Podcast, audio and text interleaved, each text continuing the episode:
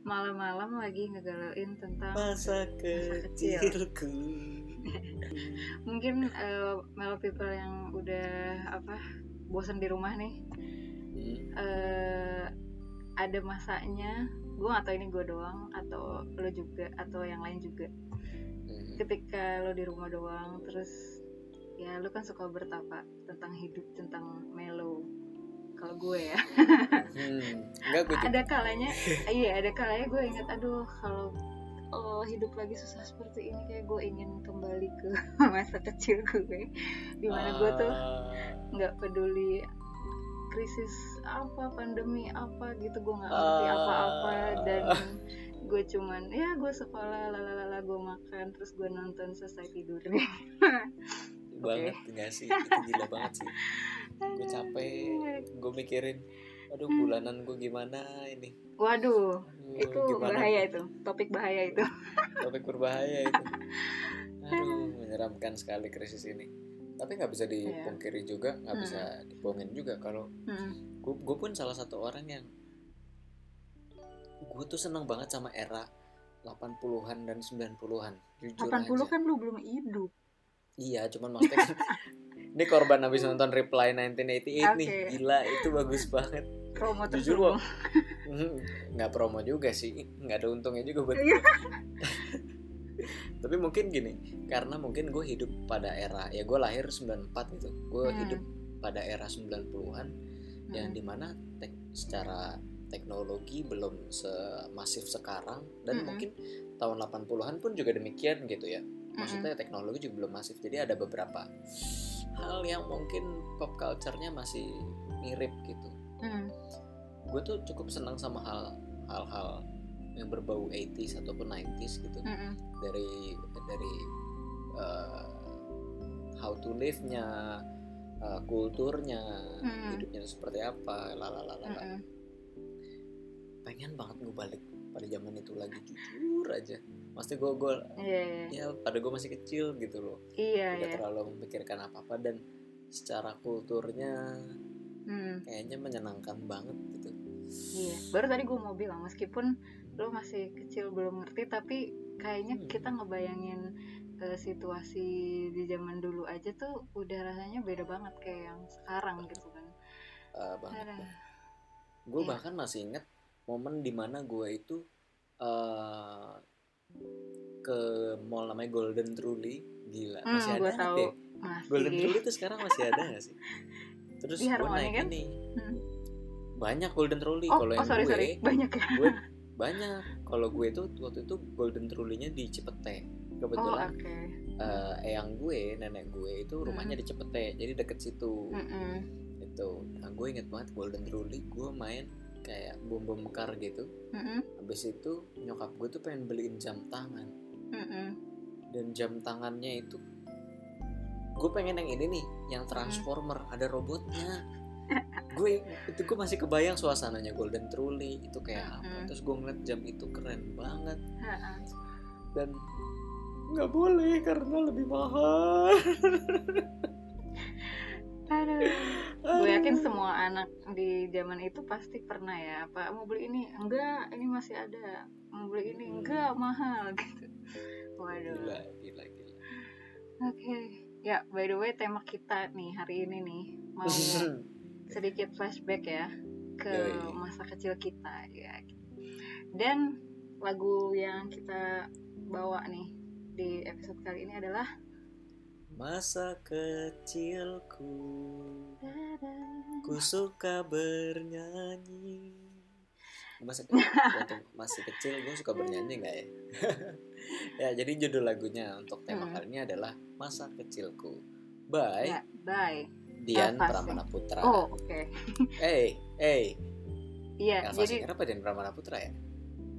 Jadi kalau apa selama ini sejauh selama ini gue taunya itu adalah lagunya Eva Singer Eh, karena dulu gue waktu SMA pernah apa sama teman-teman Nyanyi ya? vokal grup gue itu eh, kita tuh kiblatnya ke situ ke Eva Singer jadi kan gue dengerin tuh semua semua semua lagu-lagunya Eva Singer dan jadi gue pikir ini adalah lagu buatannya bang Elva Sasharia kan eh ternyata kita menemukan fakta hari ini bahwa ternyata yang mengarang lagu ini adalah Pramana Putra Iya betul sekali.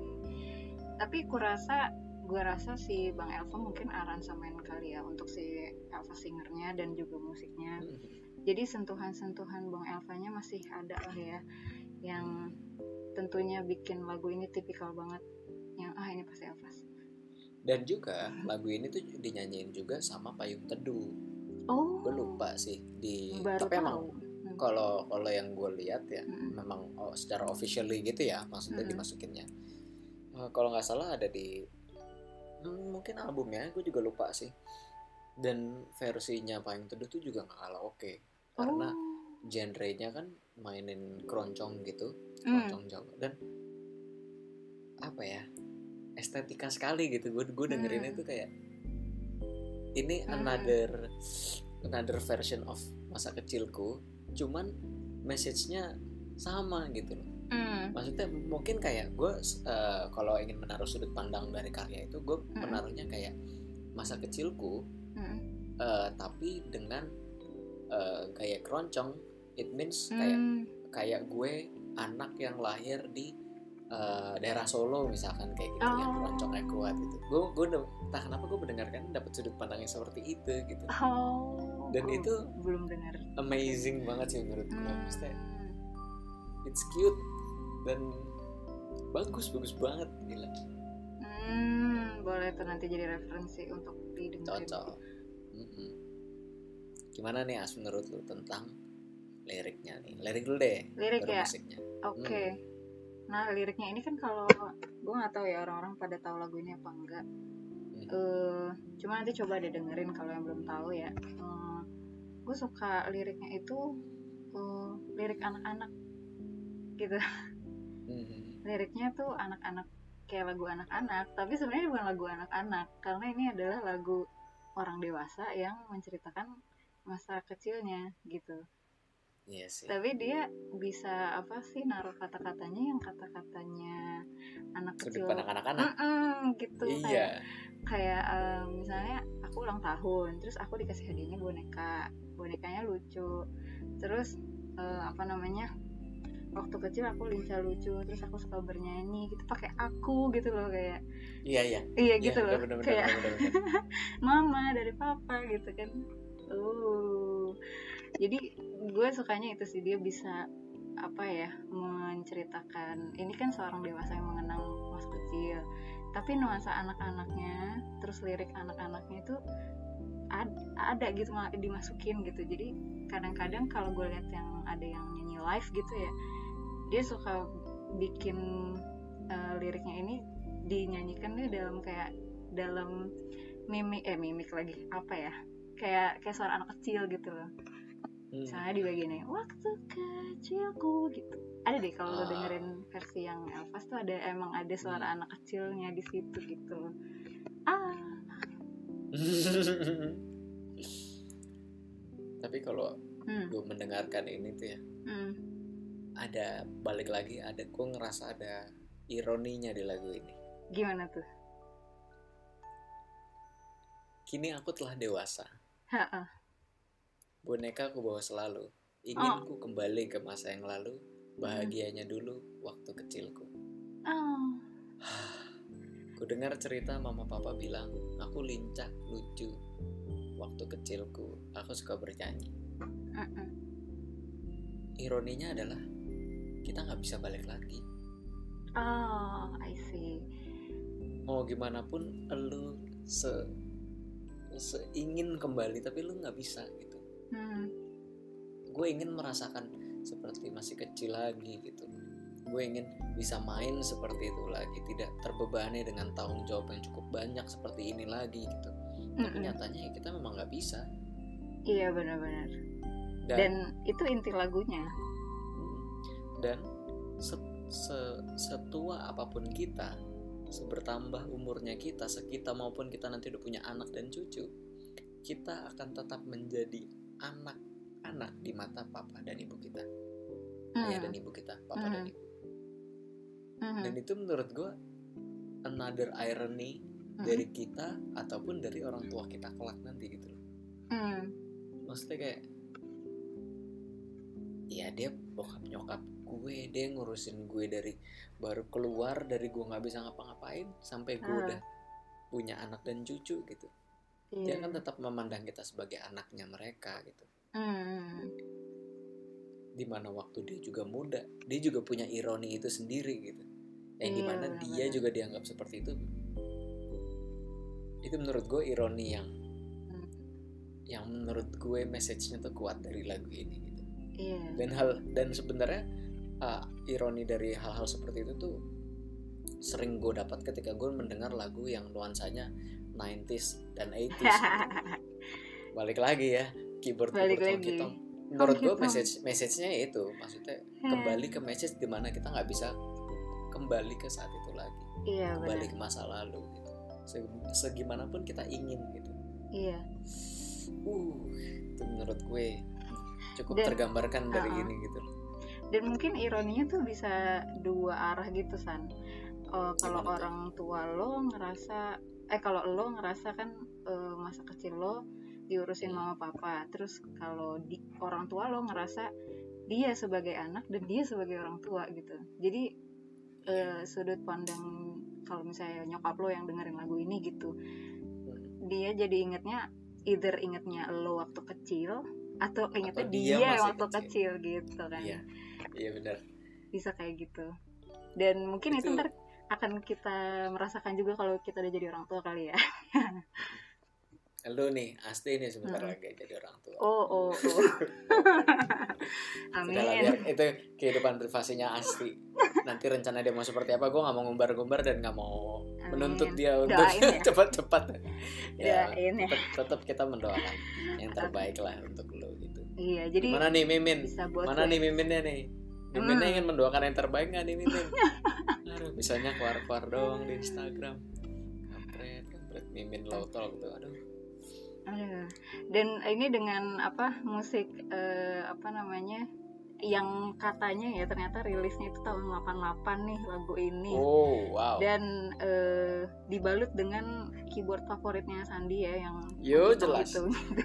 jadi jelas, jelas. semakin ini ya semakin menambah eh, keinginan kita untuk kembali ke masa itu gitu yang masa di mana Honky Tonk masih sering dipakai di semua lagu by the way itu namanya golden- bukan golden- Tonk ya Iya, cuman penyebutan kita aja Honky Tonk. iya Apa sih nama aslinya tuh sebenarnya? gue pakai namanya Dino Dino Piano da, iya Dino. ya, ah, Dino it ya, Ka- electric karena yang piano. karena yang ada di Cubase sama Logic Pro namanya Dino kan. Iya betul. gitu. Jadi pas banget dengan usia kita Hmm. sekarang eh, kita dengerin lagu yang kayak gini, kita langsung ingat di masa itu, masa ketika kita masih kecil, lagu-lagunya tuh kayak gitu. Jadi menurut gue Yes. kombinasi yang pas banget.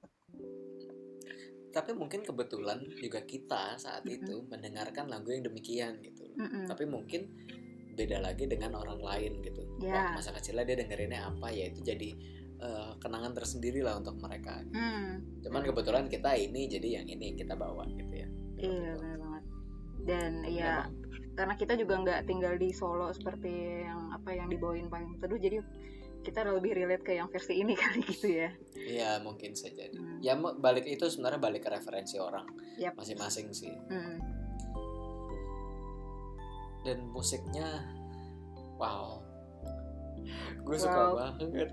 Ini tipikal, ini tipikal walaupun ya walaupun wala- walaupun gue, orang-orang tuh kadang suka mencap gue tuh terlalu jazz gitu ya, maksudnya Oh, loh, swingin gitu, lalalala yang belajar chordnya gimana gimana gitu. Tapi pada dasarnya kalau ditarik balik lagi, sebenarnya Sandi tuh nggak kupingnya tuh nggak se sebegitunya gitu loh.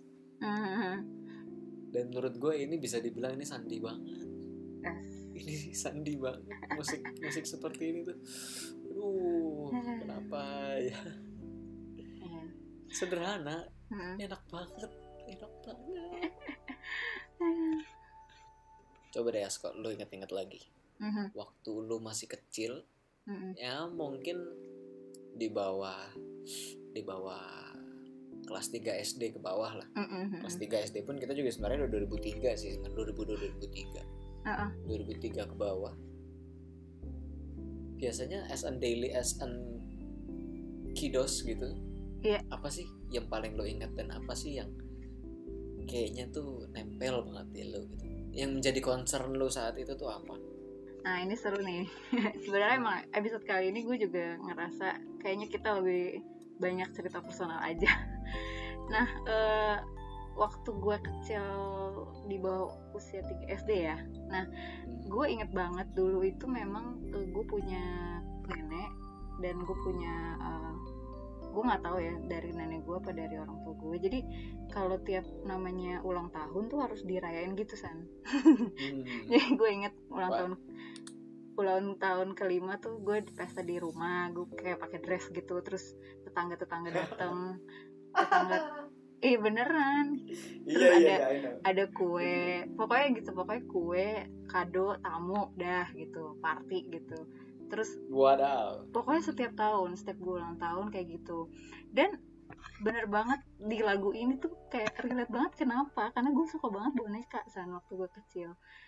Gue tuh Hmm. punya gue tuh banyak banget boneka gue. Dan apa namanya sampai waktu itu gue hitungin kayak all at once gue punya 36 apa 30-an something boneka gitu yang semuanya masuk di kamar gue gitu loh. Jadi gimana nggak setiap ulang tahun gue dapat boneka gitu loh. Karena gue su- suka banget gitu. Jadi Hmm. apa namanya sampai akhirnya ya kayaknya benar kata lo umur 3 SD ke atas gue udah udah nggak begitu pestaan lagi gitu. Jadi udah mulai nggak pesta jadi mulai makan-makan doang keluarga. Tapi tetap gue dikasih adanya boneka gitu. Jadi apa namanya yang paling gue inget itu adalah itu. Eh, apa namanya Ulang tahun dengan hadiah boneka. Hmm. itu satu ulang tahun dengan hadiah boneka. Dan yang kedua adalah eh gue les piano kan dulu waktu masih kecil masih TK SD Gila, lah gila, SD gila, Les- gila, gila, gila. les musik gitu lah gue belum les piano nah gila, tapi- gila, gila, gila. Gini apa namanya oh ya by the way eh, apa namanya kan eh, nyokap gue udah meninggal yang kandung gitu ya. Ah, Eh, waktu gue umur 3 tahun. Terus eh, memang waktu itu eh, nyokap gue itu eh, apa namanya ninggalin pesan ke bokap kalau gue tuh harus dilesin sesuatu yang buat gue jadi pegangan hidup lah gitu intinya. Dan ah. akhirnya iya akhirnya gitu. gue dilesin musik tapi sayangnya gue itu bodoh san gue itu gue Apa? itu Seorang Ini- asti bodoh. Enggak maksudnya waktu gue umur lima tahun gue pokoknya kan gue mm, lima lima awal terus enam tahun tujuh tahun tuh gue bodoh banget gue di kelas itu tuh gue kayak bener-bener yang paling ketinggalan dan paling sering dimarahin sama guru gue Buset. sampai akhir tapi karena bokap gue merasa itu sebuah wasiat gitu ya jadi dia tuh nggak menyerah aja. Akhirnya dia nggak dia nggak menyerah pada gue asik. Sampai Anjay. akhirnya sampai akhirnya di itu bener apa yang titik tadi yang lu bilang 3 SD Hmm. akhirnya gue dapet insight nggak tahu dari mana. Akhirnya gue merasa kayaknya gue harus latihan deh. Kayak gue harus kayak gue harus lebih kayak gue harus lebih bener deh gitu. Gue punya guru yang gini apa kalau salah gini gitu Bukan. Serius iya jadi ya gue nggak tahu ya kalau zaman kita dulu kayaknya didikan keras desan makanya gue suka bingung dengan zaman sekarang kayaknya nggak sekeras dulu gitu Oke oke. Iya sih memang gokil. Jadi- itu jadi eh, ketika 3 SD itu adalah momen apa sih namanya titik perubahan gue dari yang awalnya apa ulang tahun selalu di pesta dan dikadoin boneka Hmm. dan eh, akhirnya mulai serius belajar musik gitu. Jadi gue sih meskipun gue bilang gue belajar piano dari kecil cuman gila gue tuh nothing sampai akhir sampai kelas 3 apa 4 SD gitu. Gitu San. jadi ya itulah hal, dua hal yang menurut gue sangat terkesan ya dari dari masa kecil gue. Lu gimana? Gila gila gila gila. Gue lu bilang lu bodoh gue gue merasa lebih bodoh lagi. Bukan ini kan gue nyeritain gue di zaman dulu. Lo jadi I know, sombong. I know, I know I know I know. Enggak itu ini ini fakta gitu. Gue beneran Iya. sampai Iya. eh, ini apa namanya eh, orang di sekitar gue gitu ya. Hmm, bukan bukan cuma saudara loh. Ini jadi ini udah sangat fatal gitu menurut gue ya. Bilang ke bokap gue "Eh, pak itu nggak nggak sia-sia apa uang kursusnya? Pasti kan nggak berkembang. Anjay. Ini orang di luar keluarga ya by the way. Gue nggak sebut siapa, siapa tapi yang berani-berani? Iya. Siapa? Sebut sih disebut. Supir gue. Supir lagi yang ngomong. Terus terus. Pokoknya gitu. Jadi ternyata ada cerita itu gitu loh yang gue seba- sebagai anak kecil kan gue nggak tahu ya. Tapi setelah gue besar akhirnya gue dikasih tahu. Dan gue sih bersyukur uh, orang tua gue menjadi tidak menyesal karena udah mas uh, mas apa namanya memasukkan gue les gitu oh ya by the way bokap gue nikah lagi bokap gue nikah lagi waktu gue kelas 1 SD dan Hmm. alhamdulillah gue jadi gue jadi Kakak. diurus lah gitu lebih keurus ayo latihan ayo belajar gitu loh oh ya ya ya. Kayak jadi ada gitu. sosok ibu lah ya sosok ibu yang bisa lebih mengontrol gue gue bayangin gue bayangin maksudnya eh, lu sebagai single parent gitu baru ditinggal meninggal istri lo terus eh, punya anak kecil yang aduh bodohnya minta ampun. Nggak gitu. Gue kayak gimana gitu lo menyebut diri lu bodoh tuh gue langsung kayak ya ampun lu bodoh sebenarnya gue apaan? Enggak gue nih ini salah satu ini ya fact yang mau gue gue ini lagi gue masukin di Ah. dalam episode ini. Eh apa? Menurut gue ke ketelatenan atau kepintaran itu adalah eh, hasil dari latihan bo semuanya hasil latihan Iya. hasil belajar ya gitu. ya I it, know, it happens it happens di kasus gue karena ya bahkan orang di luar keluarga aja udah berani bilang kalau gue itu tidak berkembang dan gue itu cuman buang-buang duit bokap gue gitu Aduh. dan gue bisa buktiin kalau gue itu ternyata nggak kayak gitu gitu setelah gue apa latihan gitu san gitu Melo people. Dan dan lu menyadarinya setelah lu kelas 3 SD itu mendapatkan insight untuk lu harus latihan ya iya kan? entah dari mana entah dari guru guru gue entah dari nyokap gue yang waktu itu nyuruh nyuruh gue latihan lupa.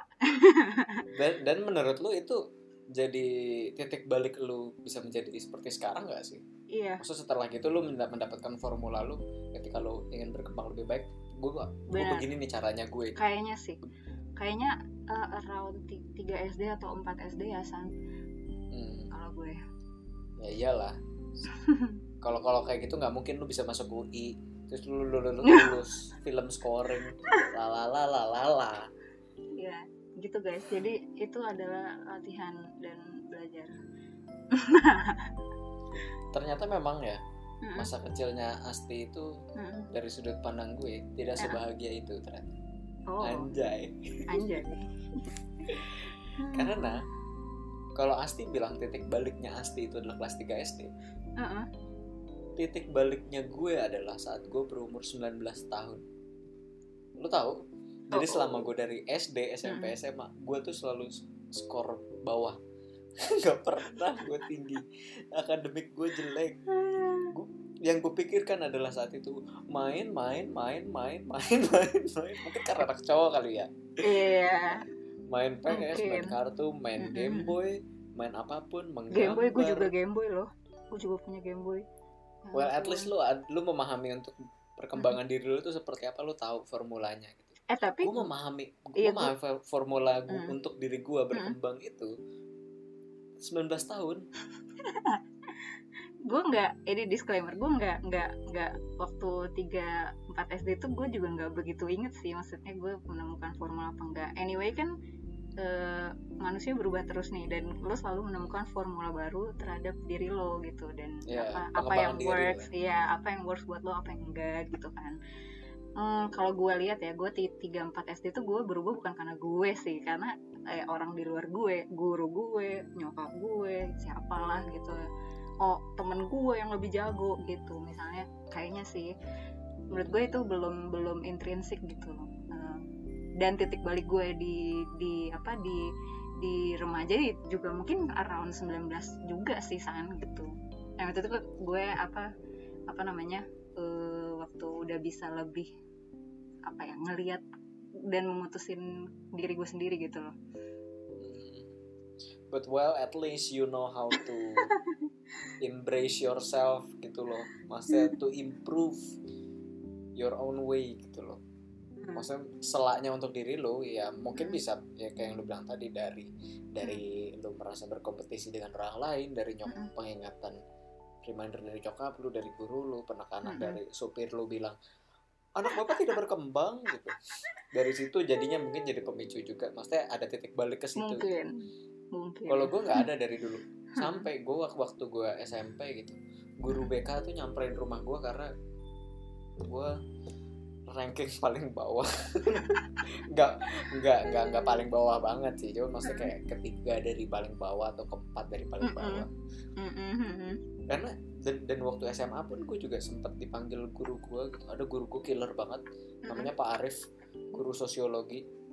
Pak Arif Pradono Hmm. itu galak banget gue pernah nilai sosiologi gue jelek terus gue dipanggil yang dipanggil ke sekolah hari Sabtu apa hari Minggu gitu Mm-mm. panggil sekolah itu dimarah-marahin satu persatu masuk kelas tuh guru killer Mm-mm. gue SMA mendapatkan itu gue kelas 3 itu karena mau UN Mm-mm. makanya ayo pengembangan diri gitu yang anaknya dablek banget yang anaknya tukang nongkrong yang cabut-cabut kayak gitu diomelin habis-habisan kalau gue Hmm. kan nggak cabut ya tapi emang Iya. bego aja udah bego titik gitu dipanggil dipanggil tapi nggak dimarahin gitu karena dia Hmm. tahu kelakuan gue tuh seperti apa gitu Hmm. cuman kayak kamu tuh belajar iya pak iya pak Hmm. itu gue dan Hmm. titik balik gue untuk menemukan diri gue untuk bisa how to improve myself itu ya 19 tahun gara-gara saxophone Mm. oh gue setelah gue ternyata tuh pengembangan diri gue tuh ternyata begini oh ternyata begini gue Iya. setuju tapi balik lagi concern eh, concern pertanyaan kita. Intermezzonya panjang ya? Nggak apa-apa. Itu tuh gue kelas 3 SD ke bawah itu Hmm. hanya main pikiran gue Hmm. hanya bermain. Gue nggak peduli mikirin sekolah nggak peduli mikirin belajar. Kalaupun iya ada ulangan takut ada ujian akhir gitu takut. Mm-mm. gue tuh tipikal yang pada saat itu ya nggak tahu sa- sampai sekarang begitu juga apa enggak karena nggak begitu kerasa lagi sih. Gue tuh tipikal yang eh, orang yang mengerjakan sesuatu deket deadline. Ulangannya sekarang hari Rabu nih ulangannya hari Senin besok. Gue belajarnya hari Minggu. Binder. Sama kok. Iya gue sampai SMA begitu. Hmm. selalu gue seperti itu kecuali setelah Hmm.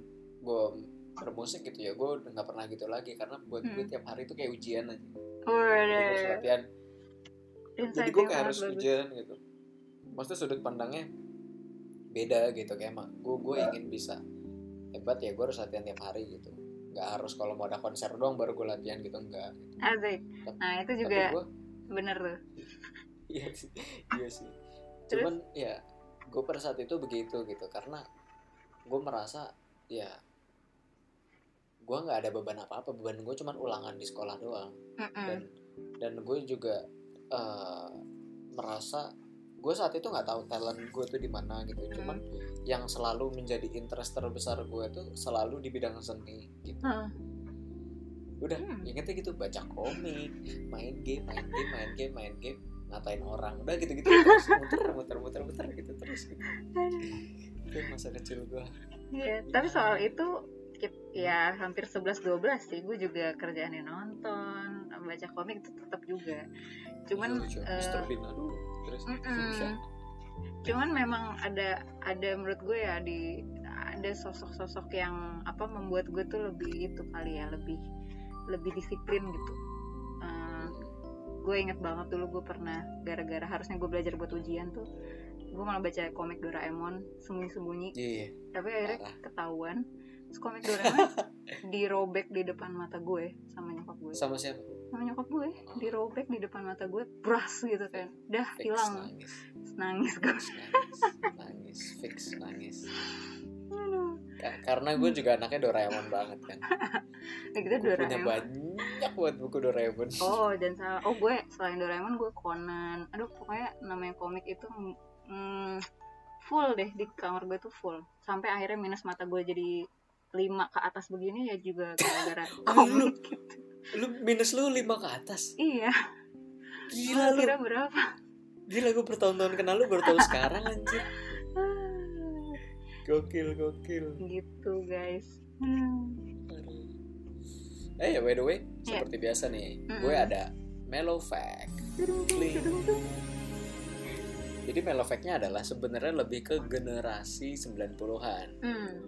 Maksudnya lebih ya mungkin ke angkatan-angkatan gue dan Asti ya gitu. Yep. jadi untuk mellow people yang dengerin yang nggak begitu relate udahlah relate relatein aja kecuali emang bener-bener relate oh ya baru oh iya iya bener bener jadi yang eh mellow adalah eh, generasi 90-an Mhm.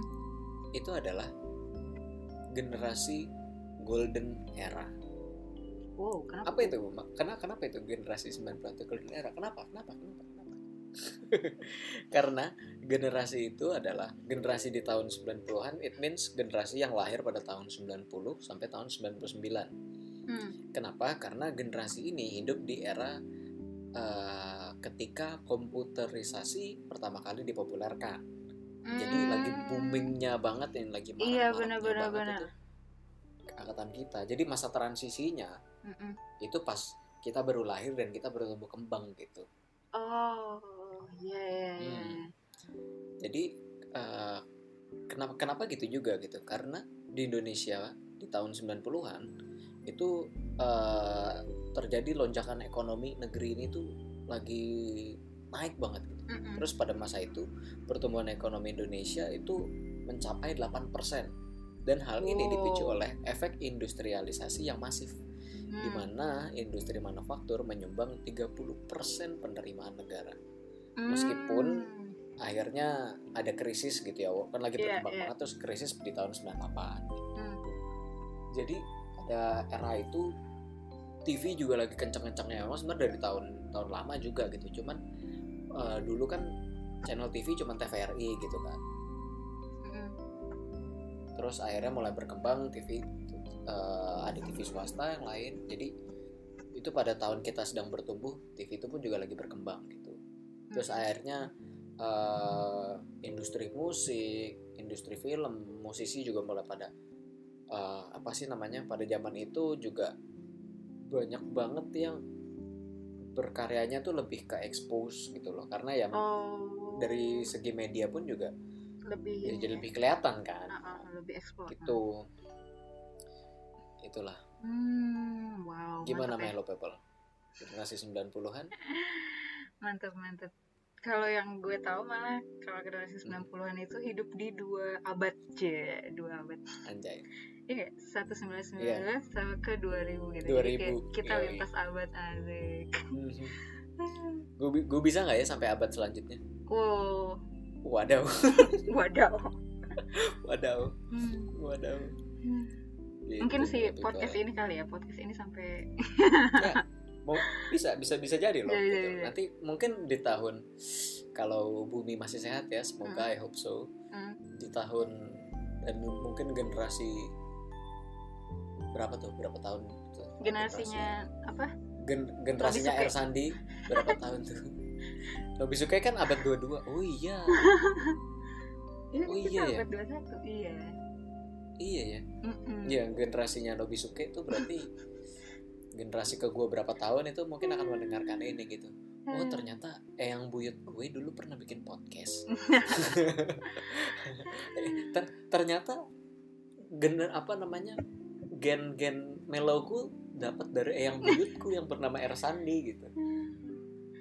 Hai nak, anakku, cucuku, cicitku, dan cicit cicit cicit cicit buyutku generasi ke depan. Tolong dengarkan ini adalah bukti bukti sejarah dari Asik. kakek buyut kalian Ersandi. Camkan baik-baik. Jas merah jangan lupakan sejarah. Mantap. ya, by the Oh, way ya. kita juga ada ini ya. cover eh cover kan? Yoi. teaser Iya, cover Ya, kita ya, teaser cover. masa kecilku Hmm, baik. Dian Pramana Putra. Sok lah dimonggoin. Sok.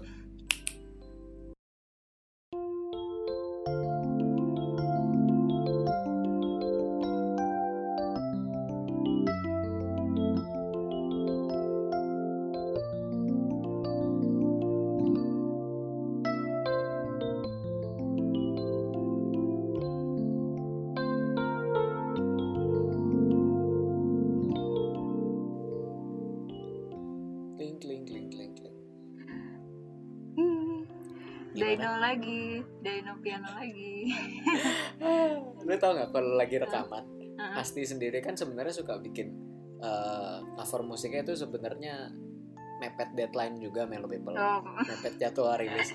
Jadi waktu kita ngomong Dino lagi, gue tuh gak tahu, gue tuh belum denger aransemennya gimana. Jadi gue langsung, oh asik nih, pakai Dino lagi nih.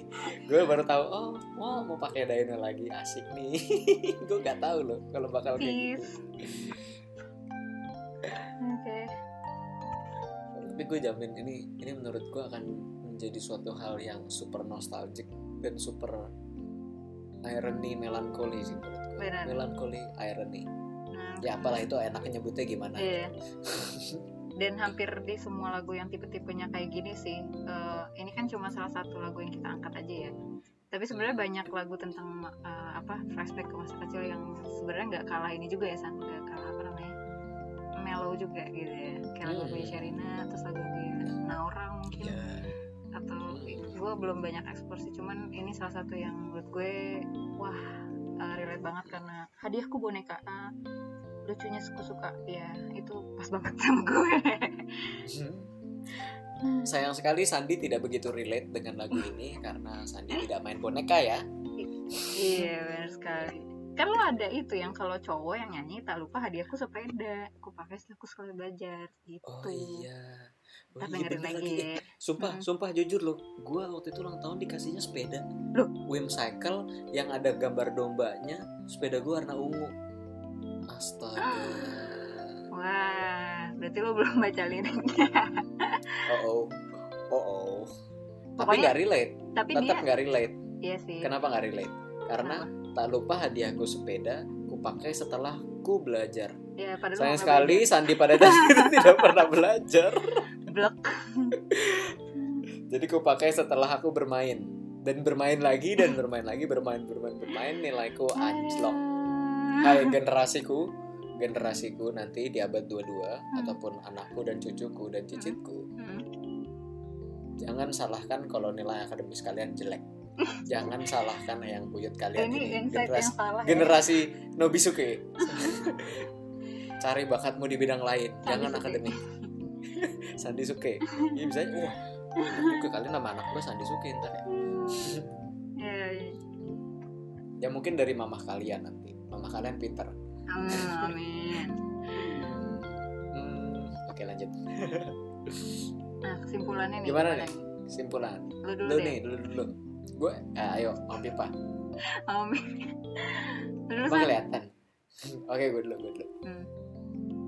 Kalau gue, ini menurut gue agak relate sama bukan relate maksudnya agak berkaitan karena gue abis nonton Reply. baru banget selesai nonton Reply 1988 Oke.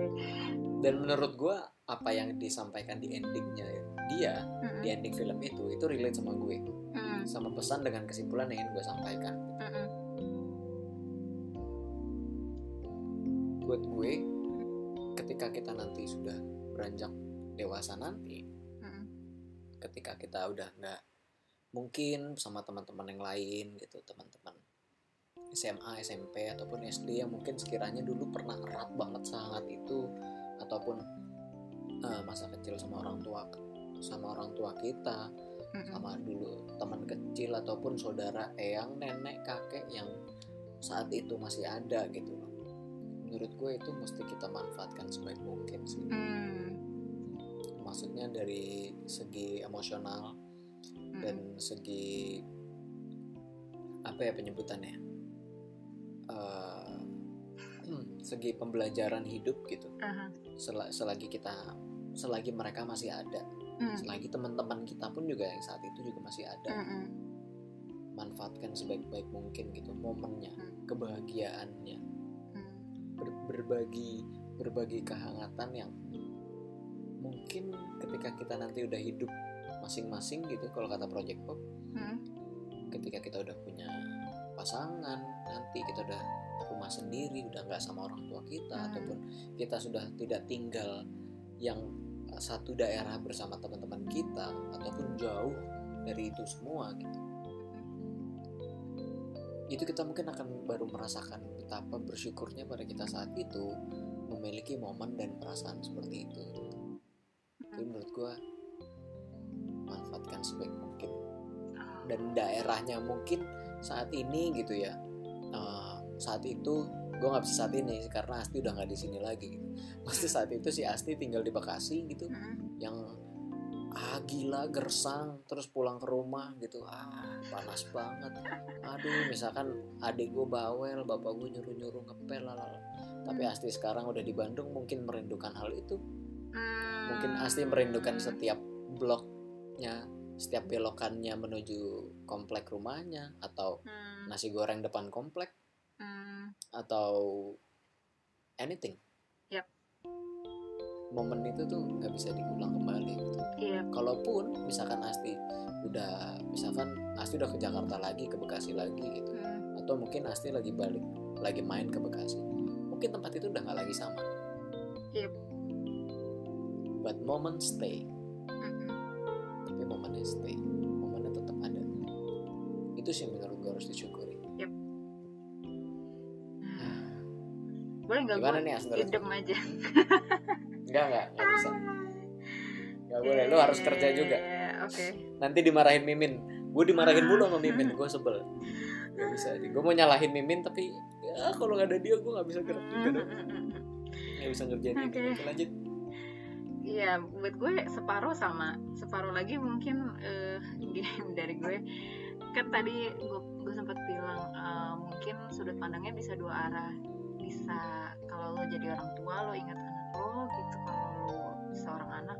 Eh ya kalau lo pun kalau lo udah jadi orang tua lo tetap jadi seorang anak gitu loh.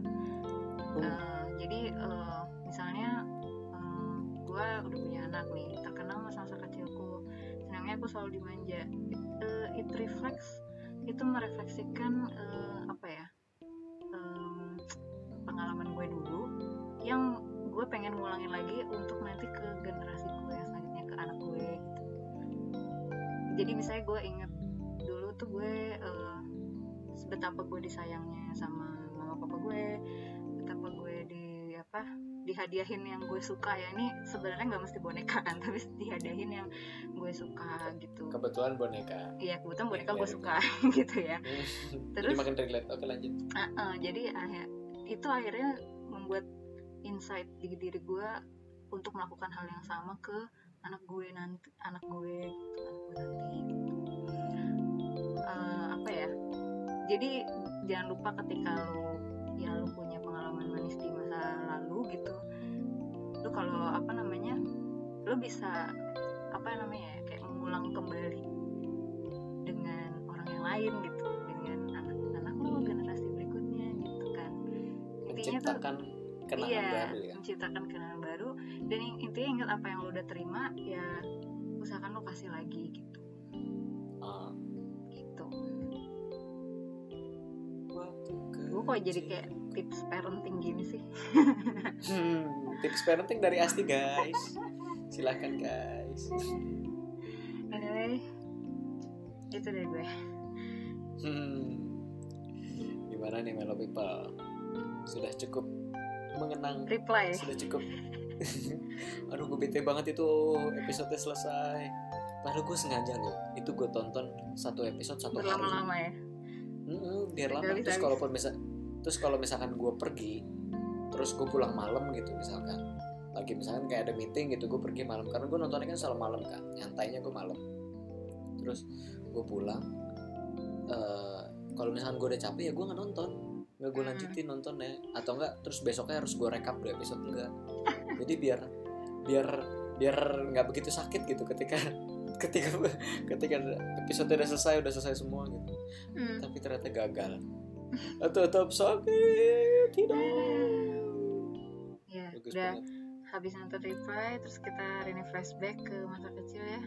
Selamat bermelo-melo ria. terima kasih Asti untuk temanya kali ini membuat saya semakin sedih dengan reply nanti nanti Oh. Oke, by the way, jangan lupa Hmm. untuk tetap uh, untuk ikutin update kita. Jangan lupa Hmm. untuk follow Instagram kita di lowtop.podcast. dan juga YouTube kita di Tunes. dan jangan lupa untuk di subscribe, like, komen dan lonceng. Mantap guys. Lonceng. Oke, itu untuk episode Oke. kita kali ini.